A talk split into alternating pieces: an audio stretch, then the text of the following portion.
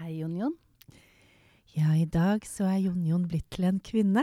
En kvinne med navn Bjørg Thoraldsdottir. Det stemmer, fordi vanligvis er det jo Jon Jon og Rebekka i studio, men i dag så er det blitt Bjørg og Rebekka. Er ikke det hyggelig? Ja.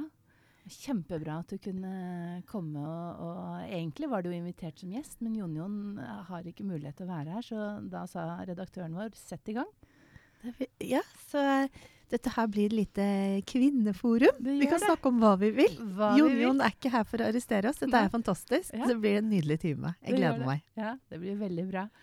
Og det er jo ikke så lenge siden du og jeg uh, gikk rundt i uh, skogen, Bjørn. Og da var det sol og kjempevarmt. Ja.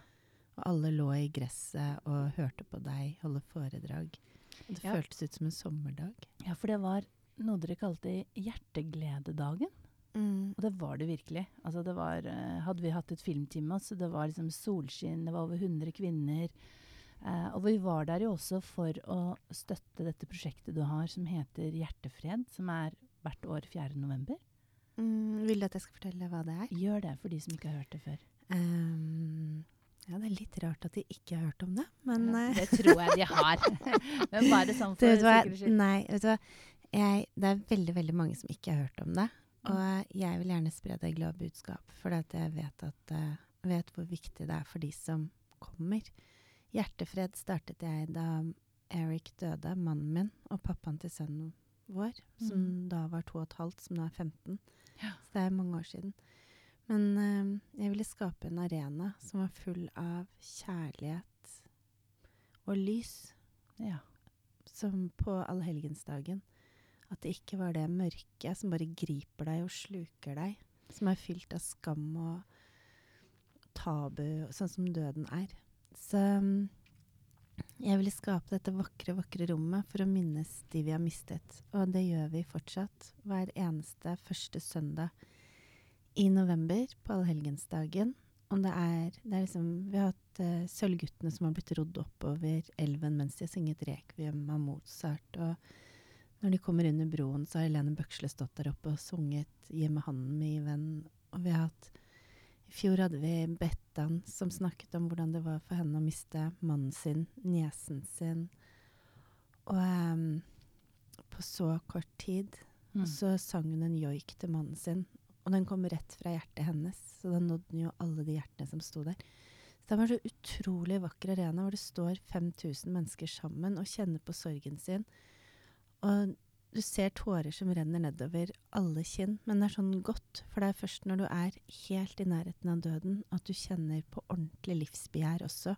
Det er Mm. først når du skjønner at du er dødelig. De fleste mennesker er jo ganske dumme. De tror jo at de aldri skal dø. De forstår Mm. ikke at hver eneste dag er så sinnssykt verdifull. Mm. Du lever. Du lever akkurat her og nå. Ja. De fleste glemmer det jo. De tror liksom bare, de tenker bare enda en dag, enda en dag. Det er ikke sånn. Og så har det jo blitt sånn, Norge har jo kanskje vært, eller i hvert fall i vår tid, så er ofte død bare forbundet med sorg. Uh, og, og du kan si det som Jo, men altså det, det som uh, Jeg reiste, jeg husker i min ungdom, selv om vi er jo selvfølgelig så unge som bare det. Men jeg reiste mye i Sør-Amerika, og der var det på en måte den der magiske realismen. Altså da var det sånn Man hadde med de døde rundt bordet, det var et sete som sto ledig, for det var bestefar som pleide å sitte der. og og litt det der at man lever videre med de døde, og, og så har de hjertet sitt. Og Mm. jeg har jo vært på noen av de arrangementene eh, sammen med jentene mine, som har vært veldig mye på scenen, både på Nationaltheatret og, og Operaen. Og de sa wow! Det var som å ha hele scenen ute eh, blant folk. Og det var helt magisk. Men også det der at det var lov å kjenne på sorgen, men ikke med bare den tristheten, men også med gleden over at de man hadde mistet, på en måte har vært en del av livet, er en del av det man bærer på i hjertet sitt. Så jeg syns det er en veldig sånn fin balanse, og egentlig litt sånn unorsk i vår tid. Har du fått noen Mm. reaksjoner på det? Ja, eller først vil jeg bare si at grunnen til at jeg kom på det, er mm. fordi at jeg bodde i Mexico fra jeg var 17 til 18. Ja. Så var jeg så utrolig heldig at uh, jeg fikk lov til å bli en del av en familie hvor vi mistet en bestemor som vi alle var veldig glad i. Ja. Som var veldig vimsete, og hun var så søt. Eh, så da hun ble borte, så ble det et stort tomrom. Men Mm. de fylte jo det med kjærlighet og ærlighet og snakket sammen. Og det å sitte på graven hennes og helle vin oppi glasset hennes. Ja. Og det kom folk fra andre graver og fortalte historier om henne, og vi lo og vi gråt, og det var lov å vise alle de følelsene. Ja. Men mest av alt tenker jeg det at man bare snakker om det. Ja. Bare snakker og snakker og snakker, og blir ferdig med det og kommer videre. Ja. Og også det at det ikke blir glemt. At det ikke er sånn derre Ja ja, nå er det et år siden mannen din er død, nå har du vel kommet over det. Men at det er lov til å dekke på bord til han fortsatt etter tre år. Ja. Og jeg tenker litt sånn, jeg tenker litt sånn eh, Du sa i sted, ikke sant, eh, når dette skjedde med deg, at du Mm. mistet mannen din, så var jo ikke sønnen din så veldig gammel. To år, var det det var? Mm. Ja, ikke sant? Og, og det også at barn får lov å på en måte eh, la de som på en måte man har mistet, være en del av livet. Altså, jeg tenker han må jo virkelig liksom eh, ha følt den kjærligheten som både du og pappaen har hatt for han. Altså det at, at, at man kan faktisk si at det, man skal ikke bare telle år, men det er faktisk en del av livet. Det er en Mm. del av, av det. Og det vet jeg også mange eh, Jeg har jo mange klienter, og veldig mange av de har jo hatt en enorm støtte og glede av å være med på denne hjertefreddagen. For de har virkelig fått ja, for de har fått fred eh, i hjertet. Og jeg tenker litt sånn, jeg har selv min store eh, kjærlighet i, i min familie var min mormor og mine jenter som Altså, hun døde når jeg var 16, men mine jenter som nå er 19 og 21, de, de føler at de kjenner Mimmi. Fordi hun er en del av livet vårt, og, og jeg tenker på henne hver dag. Og når de ble født, så følte jeg at jeg viste dem frem. Og, og jeg tenker litt at det du gjør der, er at det er lov å ha med seg de døde videre i livet uten at det bare skal være trist. Mm. Eh, har du fått mye reaksjoner på det fra andre, du også? Jeg har bare fått har bare fått uh, positive reaksjoner. Og det har vært helt fullstendig overveldende. Da jeg Mm. startet det, så startet jeg det litt for å lindre mitt eget hjerte også. Mm. Jeg trodde kanskje bare mine nærmeste venner og sånn skulle komme. Men Og så er det tusenvis. det 5000. Og det er flere steder i landet, er det ikke det? Ja, det har vært opp til 26 steder i landet. Og nå er det 13 steder. Og derfor den hjertegledesdagen som vi hadde, mm. var jeg så utrolig glad for at det var så vellykket. For at uh, jeg har fått så mye mailer i etterkant av Hjertefred, spesielt fra menn, som har vært Ja. helt fortvila fordi at uh, de mistet moren sin i ung alder, eller faren sin, og fikk beskjed om at de skulle være sterke, og at nå var det de som skulle ta vare på familien. Så jeg har aldri fått utløp for sorgen. Og så står de da på Hjertefred, Mm. og en person snakker om sorg på scenen, og plutselig så bare åpnes en jerndør som har vært stengt i 50 år. Ja. Og så får jeg mailer med Jeg gråter og gråter, og hva skal jeg gjøre nå? Hvor skal Ja. jeg gå? Så jeg har hatt så lyst til å lage et prosjekt sånn at jeg kunne ta vare på de. Og jeg vet selv at det, det er helt naturlig. Det er like naturlig å dø som å bli født. Alt, naturen dør hver høst. Det er så naturlig. Det er, Ja, det er livets eh, gang. Nå snakker du Jeg pleier alltid å si med Jon Ja. Jon at jeg er en knallrealist med åpen sinn. Og det er jo virkelig det at døden er en del av det naturlige, som du sier. mm, Det det er- Og så tenker jeg at kroppen har sine naturlige reaksjoner som gjør at man kommer seg videre. Blant annet tårer. Det er jo, du kan jo dette her, men eh, tårer som du gråter, sorgtårer, er jo sammensatt annerledes kjemisk enn gledestårer eller eh, ja, lattertårer eller så, det så, så jeg tenker på at det skal ut, og det er Ja. å tillate sorgen å komme ut, og ikke være flau eller sjenert eller tro at man skal gå rundt og smile hele tiden, for det er helt feil, da blir man bare deprimert. Ja. Men dette at vi gikk ut i naturen, var jo en, en fantastisk opplevelse. Hvordan kom du på den ideen å ta med deg hundrevis av folk ut i naturen? Fordi at da jeg var i sorg, så var det så utrolig helbredende for meg å gå i naturen. Det var bare sånn at jeg satt hjemme og lengtet å gå ut i naturen. Ja. Men så kjennes det ut som dyna er 200 kilo når du er i sorg. Og du har jo ikke noe veldig lyst til å leve, eller alt virker litt sånn meningsløst. Men det å komme ut i naturen og bare se hvordan solen traff på blader, og bare å være til stede i naturen, ga meg tilbake livsgnisten og livsgleden. Så jeg hadde det, lyst til å ta med det. det var jo fantastisk. Og, og det jeg hører du sier, både når du startet Hjertefred og, og også denne hjerteglededagen, så, så tør du liksom å, å kjenne etter inni deg selv hva er godt for meg, og så tør du å dele med andre. For veldig mange skal ha ting som strategisk, alt skal være sånn perfekt markedsføringsmessig. Men det virker som du virkelig tør å lytte til ditt eget hjerte, og så sette det ut i livet. Det Ja. er jeg. Jeg Ja. bare gjør det som jeg vet at har fungert for meg. Mm. Og hvis du ser på meg nå, så ser du en gladjente. Så det, det funker. Ja. Det funker i hvert fall for meg, og da har jeg lyst til å dele det.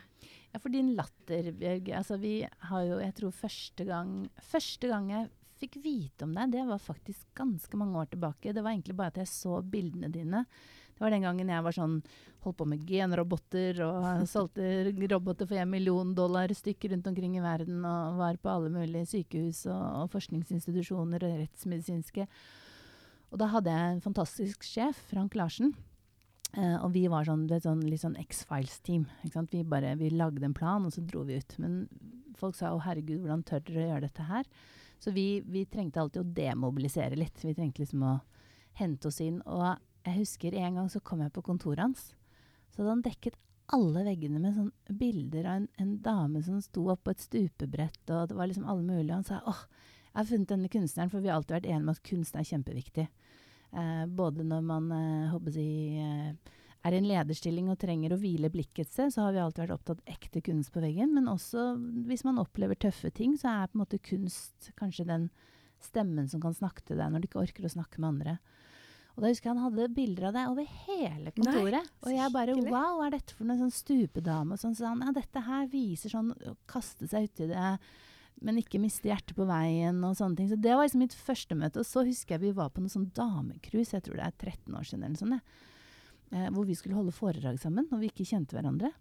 Og da husker jeg når du var på scenen, så husker jeg den latteren din. Fordi du egentlig så kan du si at man hører at du skal snakke om et Hei, Jon Jon! Da slipper jeg å være Jon-Jon lenger, når jeg er ferdig med å være Jon-Jon. Ja. vi fikk bare beskjed av redaktøren å sette i gang. Ja. Ja. Klarer du å koble deg på? Ja. Ja. Gi meg bare ett minutt. Ja. Vi, bare, vi bare fortsetter å prate. ja. Ja, vi gjør det. Kjekt å se deg. Ja, jeg fikk instruksjoner her. Så vi, det er litt sånn når vi er hjemme alene-fest, og nå blir ferska. Nå danset musene på bordet, liksom. Nå kom katta. ja. Nei, men vi bare prater, vi. Eh, og det som er eh, Jo, det jeg skulle si Altså, folk, når de får høre om hjertefred, de får høre om din historie, eh, så tenker man oi, dette blir jo eh, trist. Man, altså, nå er det jo mange som kjenner deg, men altså, før du på en måte ble si, allemannseie i Norge, så, så tenker jeg at eh, latteren din det er også noe som kjennetegner deg. Du, du, du tør å le. Eh, og, og, det, er- og det er jo mange nordmenn som ikke tør. Ikke? De, de, de lukker munnen og, og 'nei, vi må ikke le', liksom. Eh, Hva, hva tenker du liksom, hva, jeg, Er du enig i at latteren er på en måte litt en del av ditt eh, element? Eller ler du fordi du har det gøy, eller ler du for å skjule at du er trist? Altså, fortell meg litt om denne latteren din. Nei, gud, jeg er ikke sånn gjennomtenkt i det hele tatt. Jeg er Nei. en blond jenta mi. og jeg er brunetten her, da. jeg er liksom hun derre forskeren. ja. Vet du hva, jeg er så utrolig glad for at jeg bare får lov til å være meg selv. Ja. Eh, det er så mye regler om, som folk har oppi hodene sine, om hvordan de tror de skal være og Mm. må være. Og i hvert fall med kvinnefrigjøringen som har vært i disse årene, så tenker jeg nå kan vi kvinner endelig le høyt. Ikke sånn at vi skal le av noen, eller noe sånt, men at vi kan få lov til å være oss selv. Ja. For før så ble det jo sett ned på hvis du lo høyt, og var du en skjøge, liksom. Ja. Du skulle liksom bare være pen og pyntelig og sitte der. Og det er litt sånn for lytterne som, som ikke hørte oss før vi gikk på lufta. Så Mm. kunne vi nesten vært sånn eh, et eh, erotisk seksualprogram. For begge vi er litt opptatt av kvinnekraft. Mm. Uh, og jeg tenker når jeg hører også latteren din, det handler jo litt om å ha den kvinnekraften og, og, og tørre å være 100 kvinne. Og nå plutselig fikk jeg opp et bilde hvor du og din fantastiske søster Dora stilte opp i et eller annet ukeblad hvor dere satt på do. Ja, Eh, det er ikke jeg så veldig stolt Ganske, over. jo, men, men, dere, jo, men dere, det, det handlet litt om at kvinner skulle lære seg å være glad i kroppen sin. Mm. Ja. Eh, jeg er jo Jeg syns at noe av det vakre som fins, er kvinnekroppen. I Mm. alle størrelser. Jeg, bare, jeg, jeg syns kvinnekroppen er så sykt vakker. Det er du enig med meg i? jeg, jeg, jeg har ikke fått en munn og mæle etter jeg kom til dere. Jeg driver, jeg driver og samler meg. Vi bare kjører på. Jeg bare sier til lytterne at dere skulle vært der og sett, så dere er helt stumme, dere. Ja. Jo, men, jo, men, jo, men det, er, det er jo litt om altså, Som du sier, i alle fasonger, og, og, og eh, mange, eh, mange tror jeg også kjenner deg uten at de kanskje har sett deg live og møtt deg live gjennom bildene dine, sånn som jeg fortalte min gamle sjef hadde dekorert hele kontoret sitt. Eh, og han var sånn toppleder på høyt nivå. Det var hans måte å demobilisere. Det var å se på dine fantastiske bilder. Og du har jo kvinner i alle mulige former, og, og mange forbinder også dette her med lykkebobler. Jeg liksom ser for meg dette bildet som dette champagneglasset hvor damen bare hopper inn og bader i Jeg champagne. vet det. Skal jeg fortelle deg noe som er litt sånn trist? Ja. At um, de hadde tenkt å importere lykkebobler i Sverige, Ja. som er en cava jeg lager. Mm. Og da eh, tenkte de at de måtte bytte etikett, fordi at eh, jeg har tegnet en pupp. Oh. Og du kan ikke ha en tegnet pupp.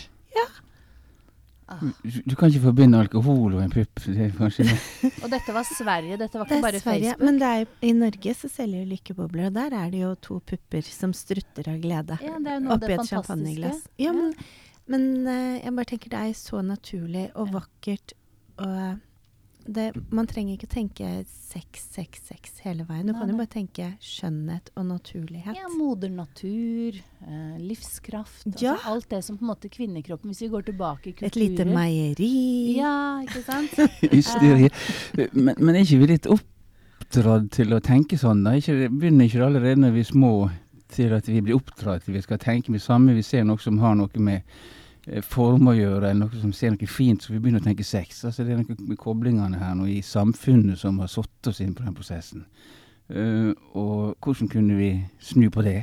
Ja, Du har jo gjort et forsøk på det over lang ja, for, tid. fordi når du, si, når, du, når du sier det der? Vi har jo hatt en episode her om metoo. Det er nesten sånn at folk blir nesten sånn pietistiske fordi de er redde for å bli tatt for noe metoo-aktig. Altså, de tingene. Så vi er, det er, jeg tror det er veldig viktig med naturlig kropp, naturlig kvinnekraft eh, og slike ting. Men hva skjedde? Har du da Ja? Mm, Grunnen til at jeg syns det er så trist, er fordi at jeg kunne tegnet en pistol, og hatt en pistol og en kniv og en slegge på en label. Og så hadde det vært helt greit. Å ha mordvåpen, det er helt greit. Mm. Men en vakker pupp, det er ikke lov. Og så Nei. tenker jeg sånn Hvor er det verdiene våre ligger? Liksom, hva er det som er greit? Hva er det som er naturlig i samfunnet vårt? Så jeg heier på pupp og glede. Ja. Og godhet og kjærlighet. Ja. ja. Og jeg, jeg tenker sånn eh, Vanlig så har man jo sånn der eh, Det er veldig mange nordmenn som tar denne harryhandelen fra Sverige til Norge. Jeg lurer på om vi skal ta liksom flaskene med lykkebobler med pupper, og så, og så importere de til Ta de med til Sverige, og så dele til alle vi kjenner. Som bare sånn Vær så god, her får dere pupp. Motsatte veien. Ja. Siden jeg nå kom litt seint og dinglende inn her nå, så Mm. har jeg lyst til å bare jeg, jeg vet ikke hva dere snakka om før jeg kom, men jeg har bare lyst til å tenke det som jeg tenkte på når vi skulle ha Bjørg som gjest i dag, er jo Det er jo først og fremst hjertet. Det har vi kanskje Det har vi snakket om. Det har vi snakket om. Ja. Jeg er også veldig opptatt av hjertet, eh, si det sånn, så jeg må få lov å snakke litt om det også. Mm. Eh, og kanskje spørre om det samme som du har spurt om før. Men når begynte denne hjerteforma å bli en slags eh, symbol for det? Jeg tror egentlig så tror jeg bare at um, fra jeg var åtte år, så um, leste jeg den boken med Albert Schweitzer. Mm. Og så hørte jeg om den første legen i Afrika, og så bare bestemte jeg meg for at eh, det jeg ville med livet mitt, var å dra ned til Afrika og hjelpe alle barna der nede. Og så trodde jeg at jeg måtte bli lege, men så skjønte jeg fort at jeg, eh, Gud har ikke gitt meg en legehjerne. så jeg ville ha vært den farligste legen ever. Bare, jeg hadde glemt igjen sakser inn i mennesker. Bare, du skulle ha en medisin. Jeg tror den begynner på L. så jeg måtte hjelpe med det jeg kunne. Jeg tror vi er mange som er på det planet. og så jeg ehm, Men jeg har liksom bare alltid vært veldig engasjert for, at, for å hjelpe. Og jeg tror jeg starta en underskriftskampanje mot eh, omskjæring av kvinner i Afrika da jeg var sånn ni, eller yngre enn det. Og så bakte vi skikkelig vonde kaker, for jeg var elendig på å bake kaker. Så vi fikk kakene ut av formen ved å bruke hammer. og så dro vi på den lokale butikken og solgte disse kakene til inntekt for uh, Mm. å stoppe omskjæring av kvinner og sånn. Så jeg tror bare at jeg har hatt det i meg hele veien. Sånn er veldig sterkt behov for å hjelpe. Jeg tror Mm. vi er alle sammen forskjellige, og det er liksom det som har vært min drivkraft. Altså i alt det jeg noensinne har gjort, så ligger det et stort ønske om å hjelpe i bunn. Så Og der, der vil jeg si, eh, Bjørg, at eh, den gammeldagse legen vi snakker om, som skal huske medisin som begynner på L, eh, at i det feltet som jeg jobber mye med, hvordan kropp og sinn og sjel henger sammen, også helt ned på celle- og gennivå, så er jo det du eh, formidler gjennom din kunst, gjennom hjertefred, gjennom hjerteglededag, det du skriver i, i spalter og overalt altså, du er jo faktisk en, en, en slags hjerteglededoktor. Fordi det du gir til folk eh, Altså, jeg kunne Jeg tør å vedde, og jeg vedder bare når jeg vet at jeg vinner. jeg tør å vedde på at hvis vi hadde fulgt Bjørg sammen med noen mennesker, de som jeg ofte kaller de usynlige hverdagsheltene, ti personer, og de hadde fått lov å være sammen med deg en uke, så jeg er sikker på at hvis jeg hadde tatt blodprøver og hjerneskanning av dem, så hadde vi sett at de hadde fått en positiv helseeffekt. Mer enn en medisin vi ikke husker som begynner på L. For dette er jo litt av hvis vi, hvis jeg, jeg kommer jo alltid med mine helseting, og men dette er kjempespennende. Fordi, og det er noe av det som også gjorde at når jeg var med på Hjertegleddagen og, var, holdt et foredrag om stressmestring, det er at sånne personer som deg, Bjørg, det er det samfunnet trenger. Fordi hver tredje nordmann møter veggen. Folk blir slitne, de får vondt i kroppen, legene finner ikke ut hva det er. Og den behandlingen de trenger, det er faktisk den hjertevarmen som du legger i hvert eneste prosjekt. Så jeg tenker liksom at du er faktisk morgendagens doktor, hjerteglededoktor, eh, ved å helbrede. Og det tenker jeg er litt viktig å ta opp i et sånt program. fordi mange kan tenke å ja, det er hun kunstneren som, som lager fine hjertefredager. Men her snakker vi virkelig om pur helsebehandling med hjerteomsorg. Eh, som, som, som jeg tror gjør mange folk friske og gir dem håp. Det var veldig hyggelig. Det er, jo, det er jo effekten av det som vi gjør, enten vi går til legen eller vi går til andre, som teller. Mm. Hva sluttresultatet blir. Mm. Så Bjørg, nå kan du bare sette i gang igjen. Nå er det bare å starte legeklinikken hjerte, hjerte Drit i medisiner med L og hva det skulle være, bare gå på med hjertet. Jo, Ja, men det er helt sant, det, så jeg, jeg henger Ja. 100 på det som Rebekka sier. Altså, det, Men jeg, har, jeg, jeg får hundrevis av mailer fra folk som har vært på Hjertefred og mm. eh, Hjerteglededagen, og som har vært på foredragene mine, hvor de har gjort store endringer i livet sitt, som gjør at jeg blir veldig rørt, og så gir det meg enda mer lyst til å fortsette med det jeg gjør, og så er det fantastisk å se at det jeg gjør, faktisk har så store resultater som de har. Mm. Kan jeg fortelle en historie? Ja. For at den sterkeste historien som jeg husker fra Hjertefred, det var eh, om en liten gutt som var ni år da han mista pappaen sin. Og han ble veldig, veldig sint. Og moren visste ikke hva hun skulle gjøre. Hun prøvde å få en psykolog. eh, Hun prøvde alt. Og han nektet å ha bilder av pappaen sin fremme. Hvis noen begynte å snakke om pappaen, så ble han sint. Og moren fikk oftere og oftere telefoner fra skolen om at han var innblandet i slåsskamper. Og han var bare blitt et problembarn. Ja. Og så var det en uh, venninne av moren som hadde hørt om hjertefred. Og sønnen visste jo ikke helt hvor de skulle, for nå hadde han blitt ti. Og så tok de han med på hjertefred. Og det året så leste sønnen min Tolly inn en bok som en rød tråd gjennom hele Hjertefred. Og det er en bok som jeg og sønnen min Tolly skrev sammen, som heter 'Pappaen min bor i himmelen'. Ja. Og den begynner sånn En gang hadde jeg en pappa. Vi lekte, vi badet, vi malte. Plutselig en dag så ble han veldig syk og døde. Og så sto han gutten der ute Hjertefred er jo et utearrangement, som sto der ute ved elven med moren sin. Så hører han stemmen til Tolly over høyttaleranlegget. Den barnestemmen. Og så ser han rundt seg, så ser han liksom at alle er i sorg, og folk står og holder rundt hverandre og sånn. Og bare gjenkjent sin egen sorg. Og så plutselig så bare detter han ned på bakken og ligger i fosterstilling hele den timen som hjertefred varte. Og gråt og gråt og gråt og gråt. Og når de kom hjem, så ville han bare se bilder av pappaen sin. Ja. Og så ville han få hjelp til å snakke om det og sånn. Og sånn fire måneder senere så fikk jeg en mail fra moren som bare sa jeg vet ikke hva jeg skulle ha gjort med han gutten min hvis ikke det hadde vært for at du stakk en byll på den sorgen hans. Mm. Og nå er han bare en harmonisk, nydelig gutt. Og jeg har fått tilbake gutten min. Jeg vil bare takke deg. Du må aldri slutte med hjertefred. Og det er sånne historier som gjør at jeg tenker på Det er så utrolig mye større enn meg selv, og det er så mye større enn alt, liksom. Så tenker jeg det er helt utrolig at jeg fikk en idé oppi hodet mitt, og så gjorde jeg om den ideen til ord, og så gjorde jeg om de ordene til handling. Og så har jeg kunnet hjelpe så mange mennesker. Så jeg bare tenker at alle de der ute som går rundt med tanker oppi hodet sitt om det så er å hjelpe hun gamle damen borte i gaten når det er is på veien, og kjøre henne til butikken, eller bare de tankene du har oppi hodet ditt, bare gjør det. Om du har lyst til å dra bort på em, asylmottak i nærheten av der du bor, og ta med de damene ut i skogen, eller Bare gjør det. Ikke Ikke bare tenk, men gjør det. Mm. Og det, det er ingenting annet i hele verden som gir så stor glede som det å se at du kan gjøre et annet liv bedre. Mm. Det er helt magisk. Det er sånn som André Bjerke skriver, at det, den største glede er den er en, en ah, Jeg kjenner jeg blir helt sånn berørt eh, her jeg sitter og hører på historien, men det viser jo også at den hjertesorgen og hjertegleden, da, siden vi snakket om hjerteglede i dag i sted, den eier jo heller ingen aldersgrenser. Ikke sant? Det er enten om du er barn, eller om du er voksen, Mm. om du er mann eller kvinne.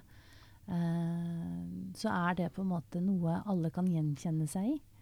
Eh, fordi døden er en naturlig del av livet, men likevel så er, det gjør det ikke noe lettere å miste de som, som er døde. Men, men jeg tenker også når du sa at han var guttunge, og jeg hadde jo med Selv om hun er jo ungen min, selv om hun er 21 år, men min datter hun var jo med på den hjerteglededagen vi gikk ut i naturen.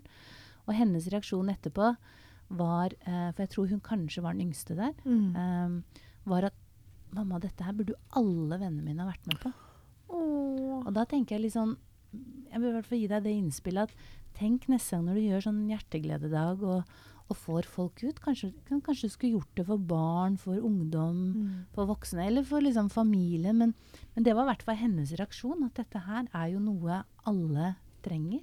Og, jeg, og det som er viktig for meg, er at uh, hjerteglededagen er ikke bare for folk i sorg eller med angst. Eller, det er liksom for alle. For det, det er vanskelig å være menneske. Og Mm. alle har sin historie. Alle kjemper sine kamper. Alle trenger en dag hvor de kan gå ut i naturen, hvor de bare får servert meditasjoner og yoga som er så superenkle å gjøre at selv den med revmatisme som var med, klar, Mm. alle klarte å få det til. Og alle fikk noe ut av det. Og det, de nære samtalene, fantastiske foredraget ditt. Mm. Og så all den latteren med standup på slutten og sånn. Ja. Det var liksom bare Jeg tror alle trenger å gi seg selv det i gave. Ikke bare prestere og prestere og prestere og streve og streve og streve, men bare sette seg tilbake og få lov til å nyte den dagen. Mm. Og få nye tanker og innspill og bearbeide følelser. Og man følelser. så at det gjorde noe med de som var der også. Fordi det var ganske mange som kom fra alle steder i Norge. Altså De fløy inn til Oslo for å være med på den hjerteglededagen. Og det var en del av de som, som eh, jeg tror dere helt i begynnelsen spurte er det noen som kommer alene. Og det var ganske mange som kom alene. Men det var så gøy å se hvordan dette laget med over 100 damer løftet hverandre. Eh, og folk hjalp hverandre liksom med sekk og med utstyr og vann. Og det var liksom det var, det var sånn virkelig sånn der jeg tenkte dette her er sånn peace and love. Sisterhood. Ja, det var det. Mm. Det var helt magisk. Eh, og jeg tror ingen følte seg ensomme den dagen. Nei. Og så var det gøy å se, for alle begynte å snakke med forskjellige. Mhm. Og de tilbakemeldingene jeg har fått i ettertid, som kanskje betyr mest for meg, var at det var faktisk en del som var med som hadde sosial angst. Mm. Og som kastet opp før de dro, fordi at de var så stressa og syntes dette det var så skummelt.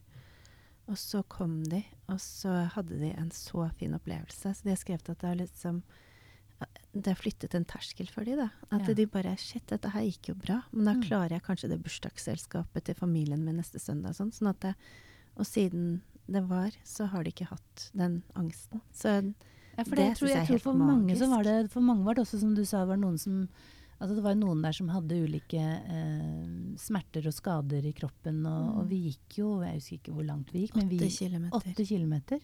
Eh, men det var det som var så fantastisk å se. Så liksom, noen tok en under armen, og en sa liksom lo. Og bare sånn, jeg trodde aldri jeg skulle klare å gå så langt og så fort. Og, så folk liksom fikk den der mestringsfølelsen Mm. faktisk av å være i naturen. For vi sitter så ofte hjemme foran TV-skjermer, foran PC-en. Jeg tror det var veldig sånn Vi var ute, det var frisk luft. Det var Altså, vi ble en gjeng som på en måte hadde et mål, og det var å ha en hjerteglededag. Så, så ja. Jeg regner med det blir flere sånne dager. Ja, det er kanskje et Ja, godt det ble tradisjon. Ja, er Men, det det? ja, Kan men kan jeg bare få, få si én ting som jeg syns er helt fantastisk? Mm. At jeg ville jo lage noe mer etter Hjertefred, sånn at de som fikk ut sorgen sin på Hjertefred, hadde et sted å gå til senere. Men det som skjedde, var at vi var 26 steder som hadde hjertefred i Norge. Hjertefred var liksom Det var i Lofoten, det var oppe i Tromsø, det var i Kristiansand, det var overalt. Og så ble det vanskelig og vanskelig, vanskelig å få tak i sponsorpenger, for at det blir mer og mer kjeder, og kjedene gir ikke penger til lokale arrangementer.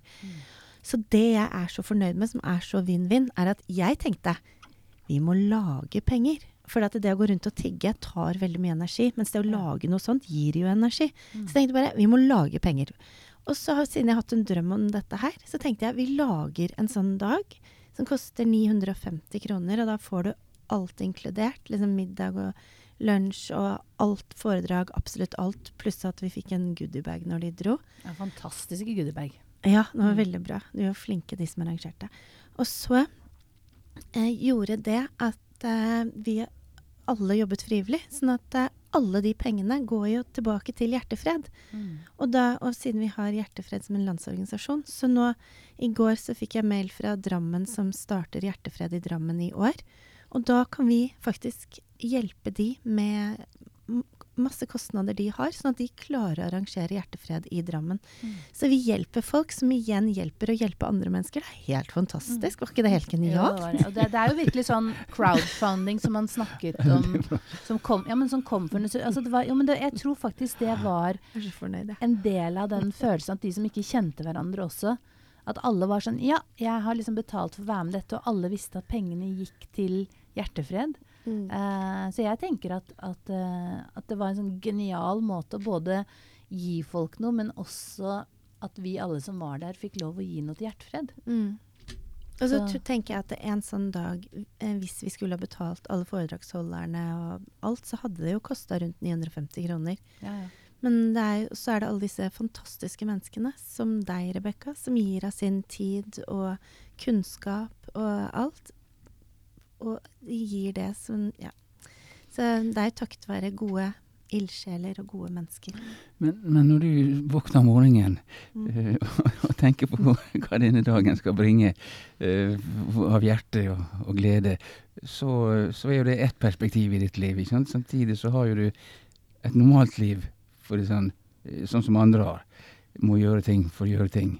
Eh, Mm. Hvordan får du disse to tingene her til å eh, fungere mot hverandre? Det å være frivillig, hjelpe til, det å jobbe, ha et liv der du driver i bedrift eh, osv.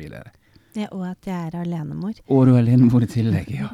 Mm, nei, noen ganger så ler jeg litt. For jeg tenker sånn der Når jeg sitter foran speilet rett før jeg skal ut på scenen, og det er masse glam, og så, tror, og så stående applaus og sånn, så kommer jeg hjem, og så er det sønnen min som bare 'Mamma, du har glemt å kjøpe brød!' så får jeg masse kjeft, og så hvis jeg er der høyt opp, så får jeg bordunk! Og så rett ned til Ja. reality. Ja, så jeg regner med at det er store, store svingninger på mange plan.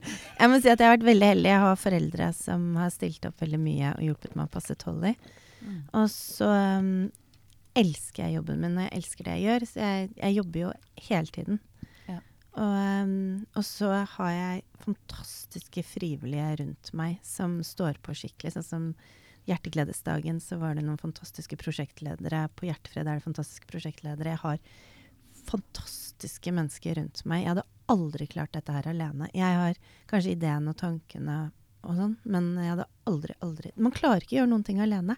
Vi må stå sammen. Så jeg er så uendelig takknemlig til alle. Der tenker jeg også at altså, det at jeg som både din, din venninne, men også på en måte som en, en, en foredragsholder eh, har lyst til å bidra inn i en sånn, det er jo det at det er, det er ekte.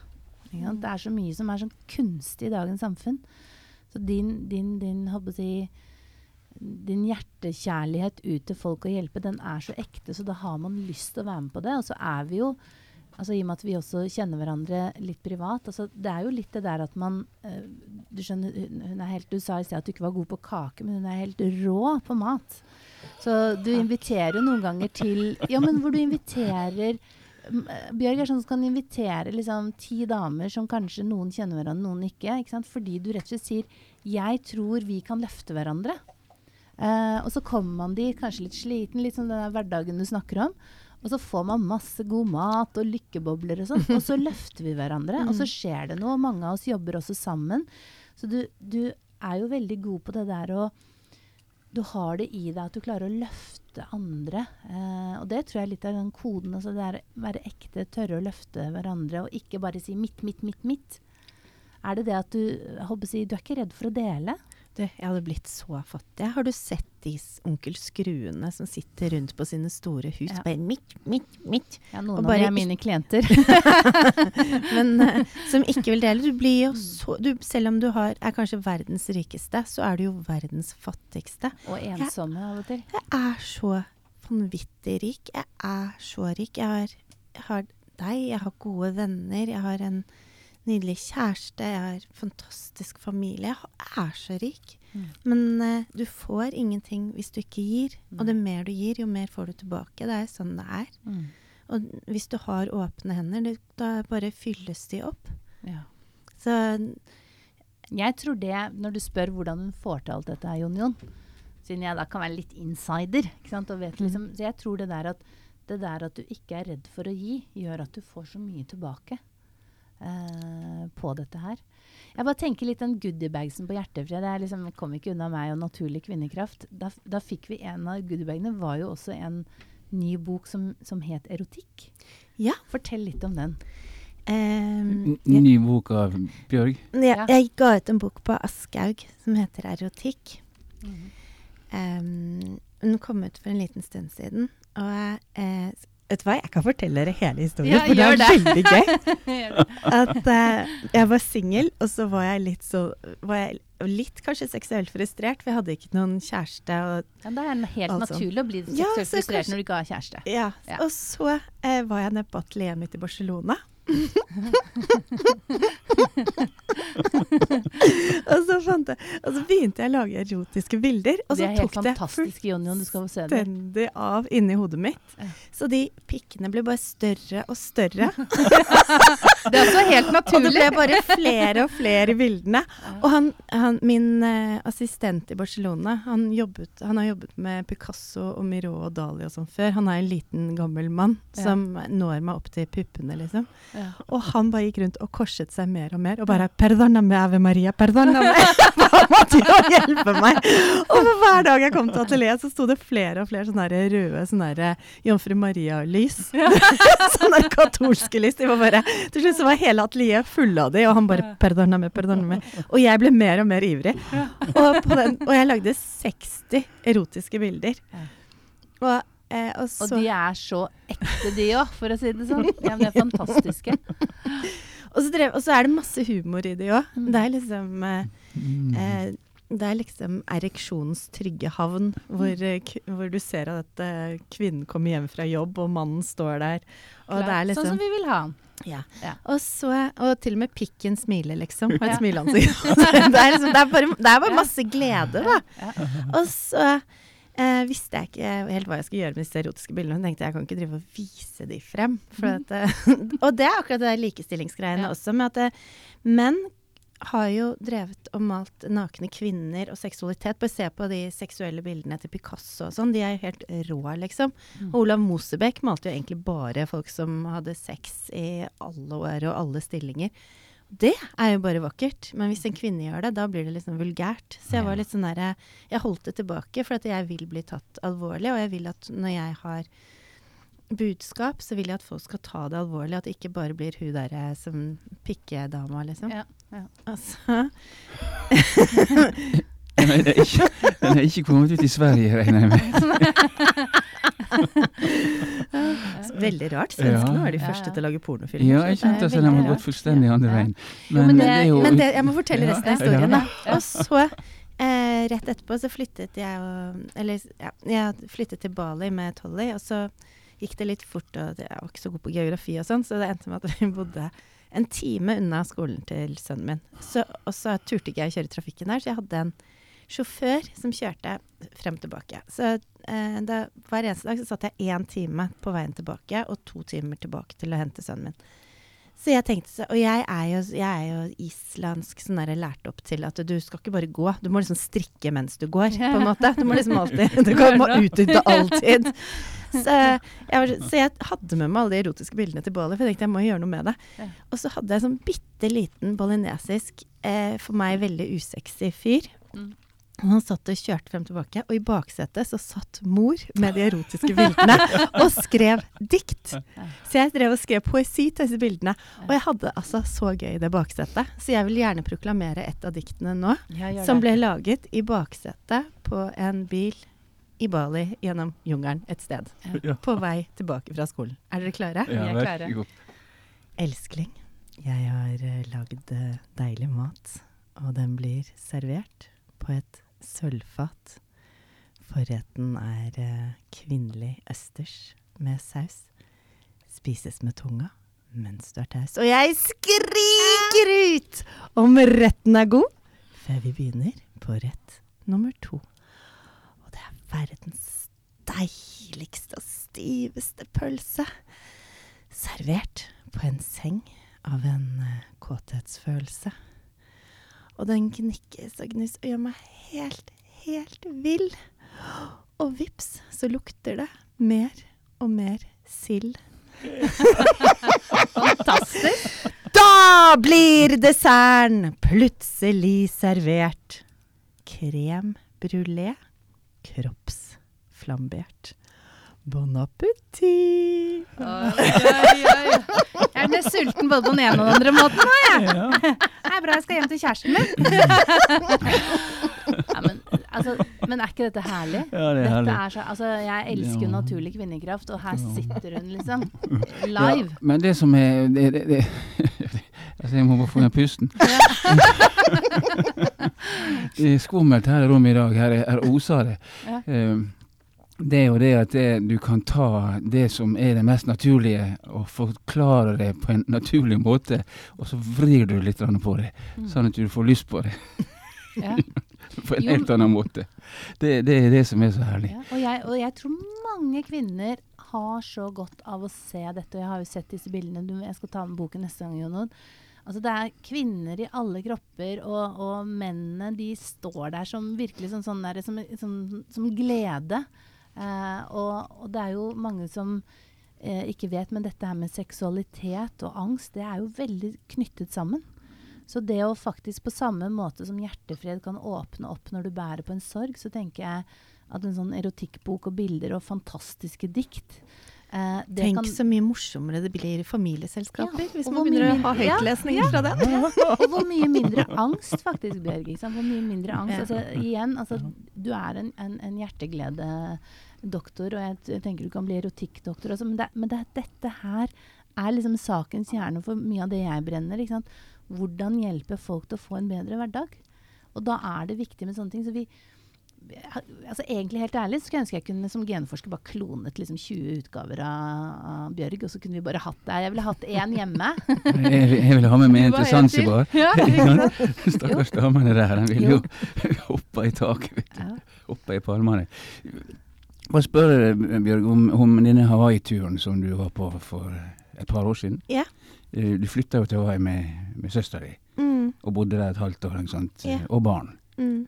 Det måtte jo være en an annerledes opplevelse igjen. Og I forhold til Bali så kommer du plutselig til et helt annet samfunn og et helt annet system. Hvordan takla du det? Var, tok du løs med en gang og var Det, det var, fantastisk? nei, det var faktisk eh, Jeg lærte utrolig mye på den reisen. For at eh, eh, Først så sagt så var vi på Bali med Tolly, og så gikk det tre år. Og så hadde jeg lyst til å dra på en ny reise med, med Tolly, og jeg føler meg veldig privilegert som kan gjøre det.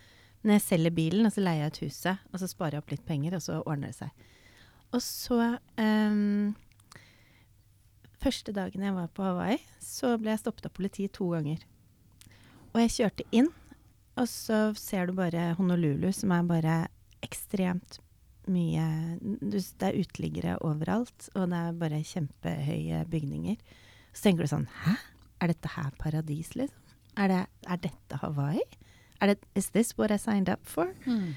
Og så um, drev jeg hele tiden og lette etter Bali på Hawaii. Så jeg drev hele tiden og så etter liksom den galskapen jeg hadde opplevd på Bali, hvor du kjører rundt på moped med de små barnehendene rundt livet ditt, og liksom lette og lette, da.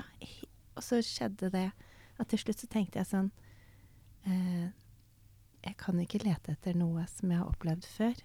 Det, det går jo ikke. Så plutselig så bare klarte jeg å bare forstå selv at hvis du har en forventning om at du skal møte noe eller finne noe, så finner du det aldri. Du må heller la det stedet komme til deg.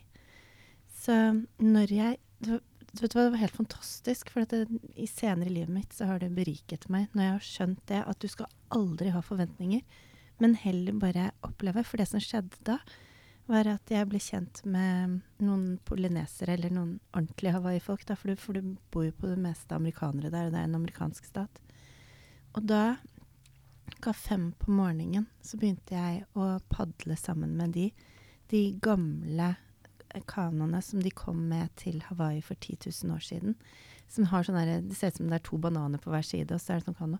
Og de veier masse, de er lagd i tre. Så klokka sånn fem-seks på morgenen så sto vi på stranden, og så løftet vi de opp. Og de veier jo 200 kilo, og vi er seks stykker oppi hver båt, og løftet de opp fra den hvite sanden over i det turkise vannet. Og så satte vi oss oppi der, og så var det sånn Hei! Ja. Hei! Det var sånn. Ja, ja, ja. Og så Jeg ser dette for meg. og, jeg, og, det var, og de var ganske strenge med meg med akkurat hvordan man skulle padle og sånn. Og så padler vi utover på bølgene. Så ser du at solen driver og kommer opp. Og så husker jeg at jeg så ned i vannet. Så var det en havskilpadde som bare satt, og så jeg fikk øyekontakt med. Og så bak meg så tenkte jeg Så, så kjente jeg at det, oi, det kommer en måke flyvende bak meg. Så snudde jeg meg opp mot måka, og så så jeg at det var en rød papegøye med et enormt vingespenn. Og så bare padlet vi utover, og så tenkte jeg bare Det er det her som er Hawaii. Og det her kunne jeg aldri opplevd på Bali, liksom. Nei. Og så padlet vi utover og utover og utover, og så snudde vi, og så fanget vi noen svære bølger. Og så surfet vi på bølgene tilbake innover. Wow. Og det gjorde jeg flere ganger i uken og sånn. Sånn at det, da kom det er, Men det handler så innmari mye om å ikke ha forventninger. Og det var den største ja, men det var den største gaven jeg fikk på Hawaii. Var det å slutte å lete etter et eller annet som du tror du skal finne. Det er akkurat som folk som prøver å lete etter en kjæreste som skal være sånn og sånn og sånn. Du finner jo aldri han. Du må bare være åpen og se Altså, hva som kommer. Så det er- skjer når du minst venter. Det skjer når du minst venter. Ja. Og så må du være åpen for det. Ja. Og så må Ja, du ta sjansen, litt sånn som eh, Grunnen til at min gamle sjef likte bildene dine. Stupebrettet. Du må tørre å kaste deg uti. Du må tørre hvis du ser en kjekk mann. Nå må du gå på date med han, eller i hvert fall prøve. Gjør det, og tør å være der. Og Ja, for du skal dø! Ja. Mm. Ja. Skal jeg fortelle en veldig gøy historie? Ja. Dette her skjedde bare forrige uke. Det var En venninne av meg som fant en klump i brystet. Dro på sykehuset, fikk beskjed om at dette her var kanskje kreft. Mm. Hun gikk hjem, tenkte jeg skal dø. Og så tenkte hun hva er det jeg må gjøre før jeg skal dø. Plutselig kjente hun liksom jeg har tre dager igjen å leve, følte hun. Mm. Så hun ringte til han ekskjæresten sin som hun ikke hadde turt å ringe til, for hun hadde så mye stolthet. Men hun tenkte shit au, nå skal jeg inn, og så får jeg, før jeg får cellegift og alt sånt, så har jeg lyst til å treffe han igjen og sånn. Så den ringte han, og sa jeg tror jeg har fått brystkreft, så jeg vil bare møte deg før jeg blir syk og sånn. Og han bare å, så utrolig hyggelig at du ringte. Og så møttes de. Og eh, det var, de føl gamle følelsene blusset opp, og de kyssa og klinte og hadde det helt fantastisk. Og så begynte å ses igjen. Så dro hun tilbake på sykehuset, og så fikk hun beskjed om at det bare var en kul. så hun er helt frisk og har fått seg er sammen med ekskjæresten igjen. så herlig. Ja, ja, det, det, det er Så lev som om du skal dø. i morgen, og da blir livet morsommere. Ja, tørr å ta sjanser. Tør. Tørr å drite deg ut. Med det så tenker jeg faktisk, fordi nå sitter jeg der hvor du pleier å sitte, Jon Jon. Eh, Ja, jeg overlater alt til deg når vi sitter ja, bare fordi jeg ser det er ett minutt igjen før noen nye skal inn i studio. Ok, så det gikk så fort, ja. ja. Det har vært helt fantastisk. Vi holdt på en time nesten, tror jeg. Ja, så flott. Det lengste programmet vi har hatt. da. Ja, og er det ikke gøy? Vi kunne, jeg har bare lyst til å stenge døren, få Ja. servert mat, Skal jeg gå så og ta den, eh, så kan dere Ja. Nei, men Tusen, tusen takk, Bjørg, for at du kom og delte både av din historie og din fantastiske energi og kvinnekraft og latter. Eh, ja. Det har vært helt fantastisk å være her. Tusen, tusen takk for at jeg fikk Ja, være gjest. jeg, jeg trodde jeg var inspirert fra før. Nå er jeg sånn eksplosivt Ja. inspirert, så nå blir det skummelt ute i gatene. her. ja. Det er Tusen hyggelig å høre fra to Ja. veldig inspirerende mennesker. Ja, takk for det. Takk skal du ha. Tusen takk. Takk for i dag, Rebekka. Ja. Vi ses så snart igjen. Det gjør vi. Ny spennende gjest. Det ligger andre podkaster ute på NR Lyd som folk kan gå høre på. Det skal kanskje mange etter hvert. Ja. Mange inspirerende folk, så vi tar det igjen neste gang. Det gjør vi. Takk for i dag. Takk Ha det godt. takk. Ha det. Det. Ha det.